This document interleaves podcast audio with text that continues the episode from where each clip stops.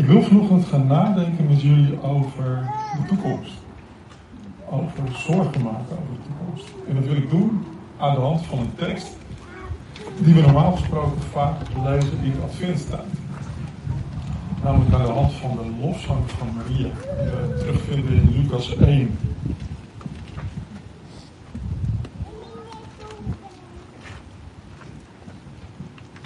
Maria die zingt dit lied als uh, haar tante heeft ontmoet met baby Jezus in haar buik. Het is een hele bijzondere ontmoeting geweest en dan zingt Maria het uit tot God en dan gebruikt ze deze woorden. Geprezen zij de Heer, de God van Israël. Hij heeft zich over zijn volk ontfermd en het verlost. Een reddende kracht heeft hij voor ons opgewekt. Uit het huis van David, zijn dienaar. Zoals hij van oudsher heeft beloofd bij monden van zijn heilige profeten. Bevrijding uit de hand van onze vijanden. Uit de greep van alle die ons haten. Zo toont hij zich barmhartig jegens onze voorouders. En herinnert hij zich zijn heilig verbond. De eed die hij gezworen had aan Abraham onze vader, dat wij, bevrijd van onze vijanden en vrij van angst, hem dienen zouden, oprecht en toegewijd. Ik zie de verkeerde tekst gelezen. Mijn blaadje was omgeslagen. Maar ik dacht even kijken, dus het opgelegd. Mijn ziel prijst en looft de. Mijn hart juicht om God mijn redder. Hij heeft ogen gehad voor mij, zijn minste dienares. Alle geslachten zullen mij voortaan gelukkig prijzen. Ja, grote dingen heeft de machtige voor mij gedaan. Heilig is zijn naam. Barmhartig is hij van geslacht tot geslacht, voor al wie hem vereert. Hij toont zijn macht en de kracht van zijn arm en drijft uiteen wie zich verheven waren. Heerser stoot hij van hun troon en wie gering is, geeft hij aanzien. Wie honger heeft, overlaat hij met gaven, maar rijken stuurt hij weg met lege handen. Hij trekt zich het lot aan van Israël zijn dienaar, zoals hij aan onze voorouders heeft beloofd. Hij herinnert zich zijn barmhartigheid. Jegens Abraham en zijn nageslacht tot in eeuwigheid.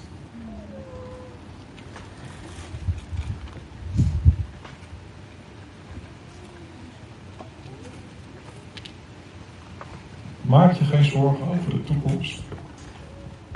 Dat is waar we over gaan nadenken. ik denk dat als we gaan bekijken wat er om ons heen gebeurt, dat we denken van ja, er zijn eigenlijk voldoende redenen om ons juist wel zorgen te maken over de toekomst.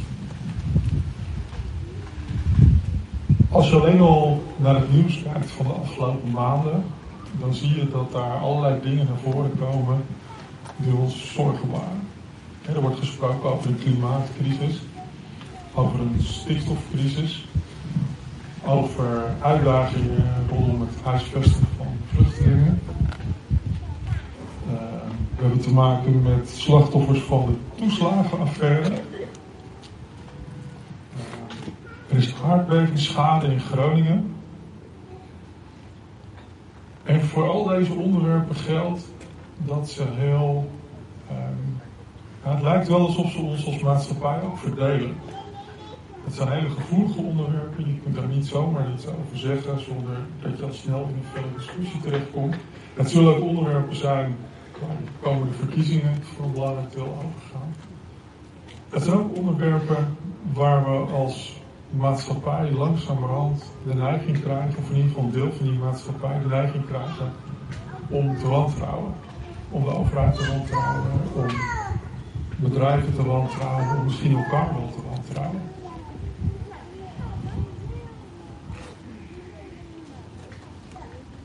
Nou, daar wil ik het over gaan.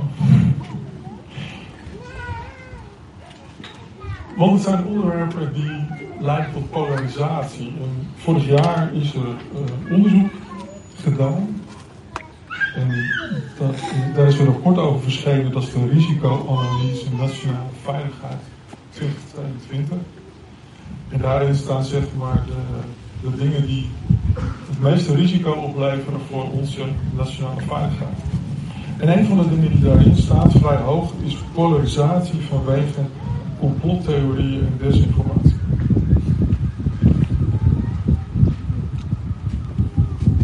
En dan gaat het met name om hele extreme opvattingen daarover, zowel aan de ene kant als aan de andere kant. Daar maakt de overheid zich zorgen over. Dus ik denk dat het hoog tijd is om, zoals de Amsterdamse burgemeester wil deed, kopjes thee met elkaar te drinken om de boel een beetje bij elkaar te houden. En in de kerk hebben we daar ook tot op zekere hoogte last van. Als het gaat om grote thema's als milieu, klimaat, en dan, dan, dan, dan, dan ze maken mij heel zwart-wit, dan hebben we degene die zeggen, vertrouw nou maar op God. Hij zal het doen. Laten we ons nou niet te druk maken over alles en nog wat. Het heeft toch geen zin, want God gaat doen.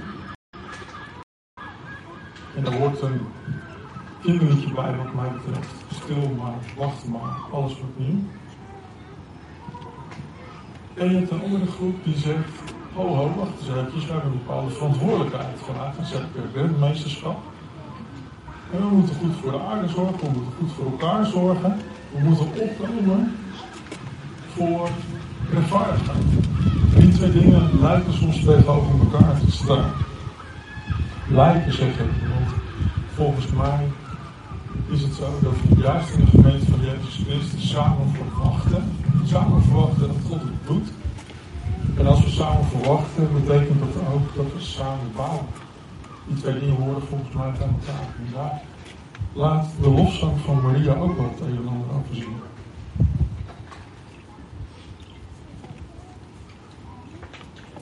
Zien namelijk dat God zich het lot van Maria aantrekt. Ja, dat, dat zegt Maria ook. Hij heeft oog voor haar gehad en de Heer heeft grote dingen aan haar gedaan. En dat is natuurlijk de vraag, waar moeten we dan aan denken? Nou, ik denk dat het zo is dat Maria op zichzelf een vrouw was, een jonge vrouw, dat was waarschijnlijk een tiener, van een redelijk eenvoudige komaf. En ze had een relatie met Jozef. Ze waren nog niet getrouwd. En de Heer heeft haar uitgekozen om moeder te worden van de Messias. En het lijkt wel, dat kunnen we lezen in de versen die hiervoor staan, die kunt u thuis eventueel lezen. Het lijkt wel alsof God met het uitkiezen van Maria om de moeder te worden van de Messias, alsof God haar heeft toegerust voor deze taak. Zoals God ook ons wil toerusten voor de taken die Hij voor ons heeft. En als we zien de woorden die Maria spreekt in de lofzang, dan zijn dat woorden, daar zit zo'n ontzettende rijkdom in, er zit zo'n enorme diepte in. Voor de, voor de fijnproevers zitten daar zo ontzettend veel verwijzingen in naar allerlei profetieën uit het Oude Testament. Woorden uit de psalmen. God heeft iets bijzonders met haar gedaan. En ik denk dat een van de bijzondere dingen die hij ook heeft gedaan, is zorgen dat het allemaal goed blijft gaan tussen haar en Jozef. Toen bleek dat Maria zwanger was, terwijl dat niet van Jozef bleek te zijn. Dat was op zichzelf natuurlijk ook al een wonder, want daarvoor had ze gestenigd moeten worden volgens de wet van Mozes. Dus God heeft zich het lot van Maria aangetrokken. En ik denk dat wij ons van tijd tot tijd altijd wel afvragen van, trekt God ons lot wel aan? Hoe zit het met ons? Ik kan me uit mijn eigen leven een periode herinneren dat ik depressief was. En dat ik zeker wist dat het uiteindelijk goed zou komen met mij. Maar ik me afvroeg of God zich mijn lot in het hier nu zou aantrekken. En gaandeweg, gaandeweg de periode, en zeker als ik daarop terugkijk, dan zie ik dat God wonderlijke dingen heeft gedaan. Een ander voorbeeld is dat afgelopen november werd bekend dat onze zoon borstkanker had. Kan ik inmiddels zeggen. En uh, dat leidde toen dat in uh, januari zijn onderbeen geamputeerd moest worden, omdat de tumor niet uh, ja, operatief kon worden verwijderd. En afgelopen woensdag hebben we gehoord in het Prinses Maxima Centrum dat zijn lichaam inmiddels helemaal vrij is van kanker. Dat is ontzettend mooi. Dat is een wonder op zich. En het is ook een wonder als ik kijk hoe wij als gezin in die periode staande konden blijven. Hoe we onze dingen hebben kunnen doen en hoe we hebben kunnen getuigen van wat God door ons heen wilde doen. Ook in die periode dat onze zoon zo ziek was. En hij heeft nog een hele weg te gaan. Maar we zijn ervan overtuigd dat God ook die weg ons zal gaan en ons daar de kracht zal geven. Om te doen wat hij van ons vraagt en te doen wat nodig is voor ons gezin.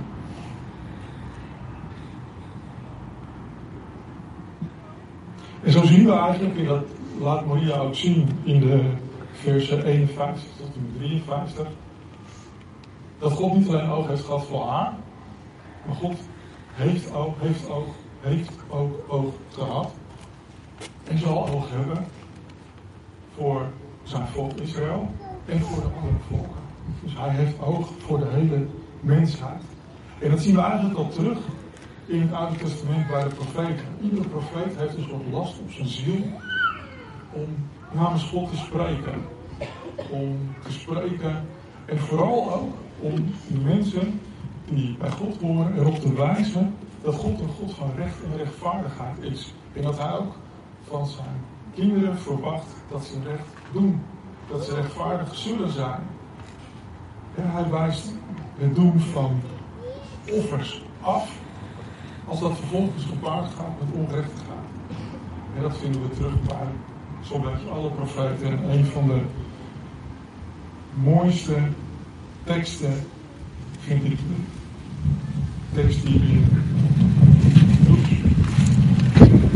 die in Micha 6 vers 8 staat.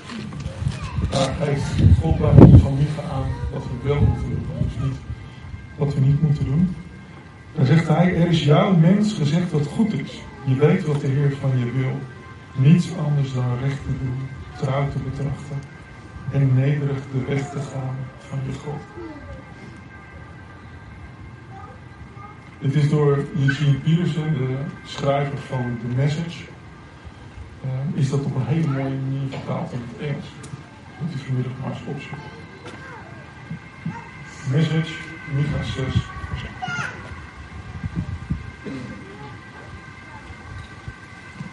Het eindigt in ieder geval met, dat kan ik alvast een tikje van de sluier oprichten. Don't take yourself too seriously. Take God seriously. We zijn vaak zo ontzettend met onszelf bezig, terwijl God van ons vraagt om de dingen van God te doen. Dus Maria laat zien, deze tekst laat zien dat God zich het onrecht aantrekt. Nou, dat mag in ieder geval al een troost zijn. Het is niet dat God zijn schouders optrekt. Nee, God trekt zich het onrecht aan. Maar dat is natuurlijk de vervolgvraag. Doet hij er ook wat aan? Ik denk dat het tweede punt is dat God te vertrouwen is. Hij heeft alles in zijn hand. En ik wil graag nog een keer met u lezen de versen 51 tot en met 53.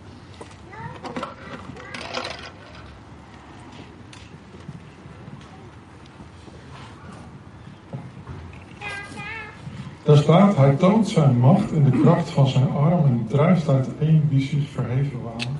Heerser stoot hij van een troon en wie gering geeft hij aanzien. Wie honger heeft overlaat hij met gaven, maar rijken stuurt hij weg met lege handen.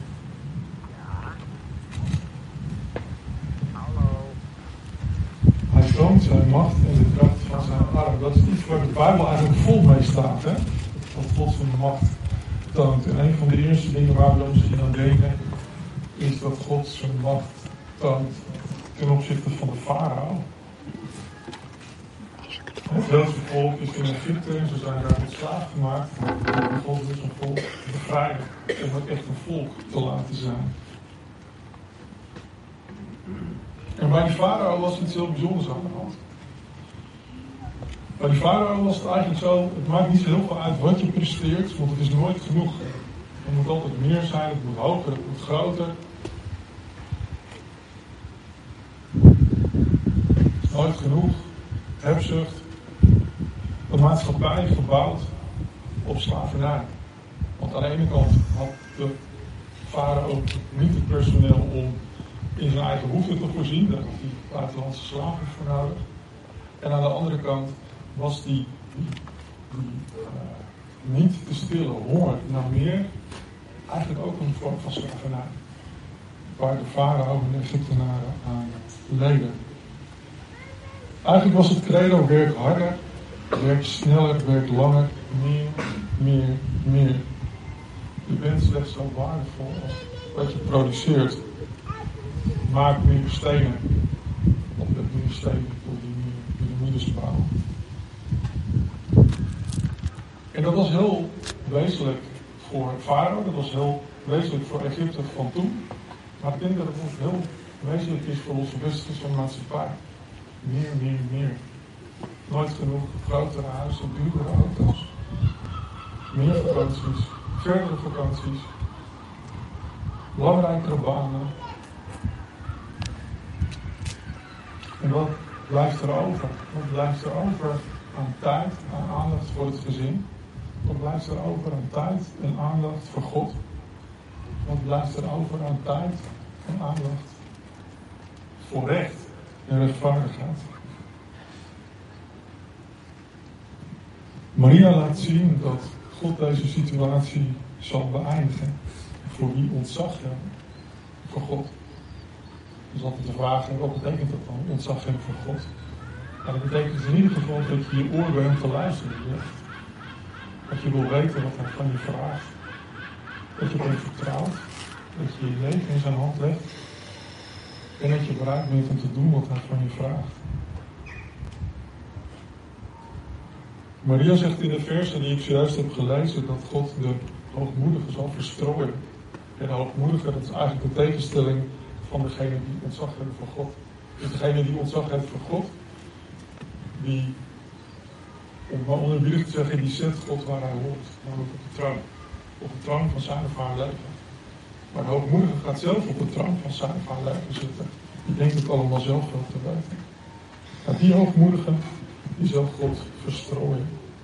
En degene die zich niks van God aantrekken, zal hij van de troon stoten.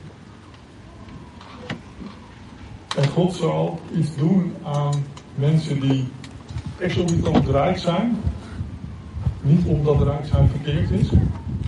Maar kennelijk was het zo dat mensen in de tijd van Maria vooral rijk waren, althans veel rijken rijk waren, omdat ze dat op een onrechtvaardige manier hadden verkrijgen.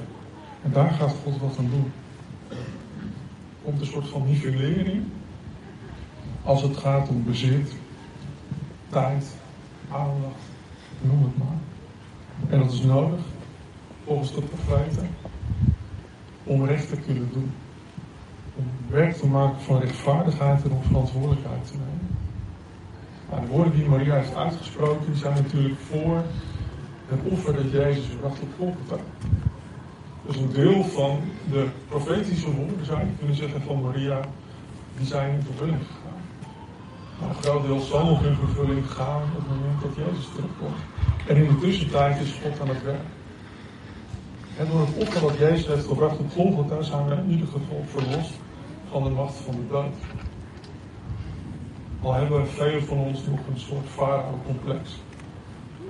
Waarbij het gaat om meer, meer, meer en het meer stenen maken. Dus ondanks dat Jezus ons heeft bevrijd, althans degene die uw hart geeft van Jezus heeft bevrijd, hebben we soms toch nog de neiging om onszelf vrijwillig in gevangenschap te laten brengen. God is aan het werk. God is aan het werk om onze harten te vernieuwen. Om zijn schepping te herstellen. En daar horen wij bij, maar er hoort ook alles bij we zien. De bomen die we hier zien. Alles. En dat mag een geruststelling zijn. En de vraag die ik vanochtend bij neer wil leggen is, is dit een geruststelling voor u? Is het een geruststelling dat God zich niet alleen het lot van u, van de wereld, aantrekt.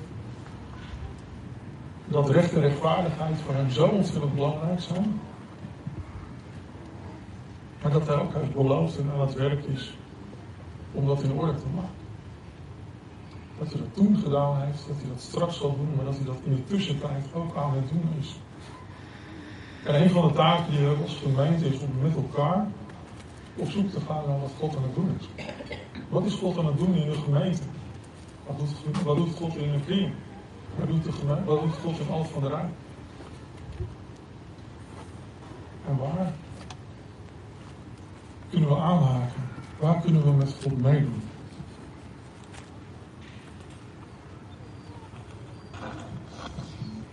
Want dat is het derde punt wat ik brengen. Ik zei al, samen verwachten en samen bouwen. Dus samen bouwen hoort erbij. We mogen meedoen met Gods werk vanuit rust en vanuit zorgeloosheid. Daarom spreekt Maria ook die profetieën uit, zodat we gerustgesteld worden, zodat we ons niet druk hoeven te maken en zodat we vanuit rust kunnen doen wat God van ons vraagt.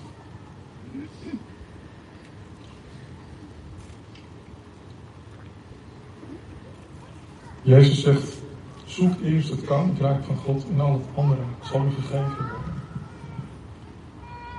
In Matthäus zegt hij, maak u geen zorgen over de dag van morgen. Het is precies dit.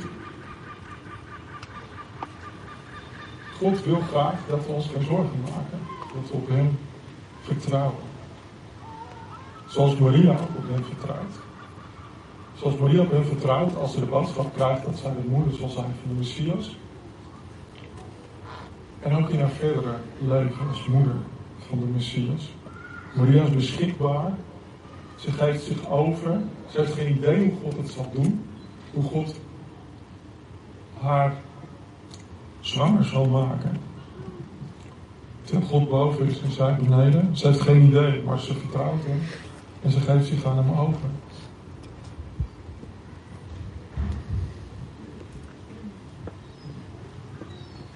Maar vertrouwen en verwachten, dat is ook doen.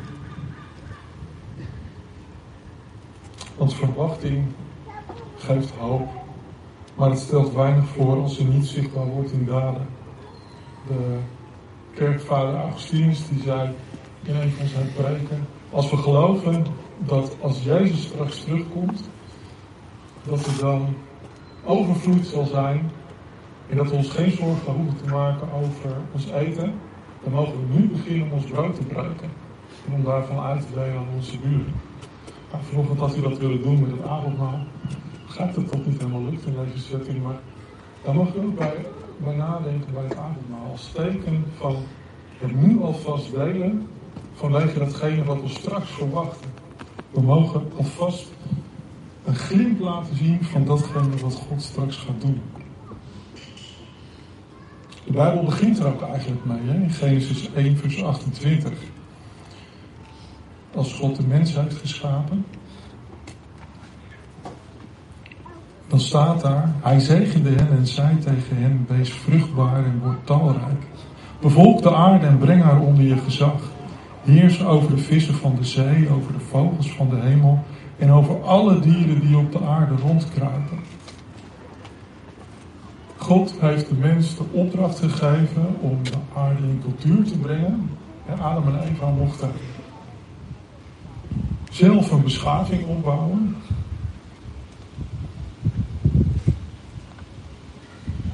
Maar God heeft wel aangegeven dat dat moet gebeuren onder zijn verantwoordelijkheid, onder zijn gezag. Als de mens zijn we als heersers aangesteld, een soort onderkoningen, zoals Jozef dat was in Egypte.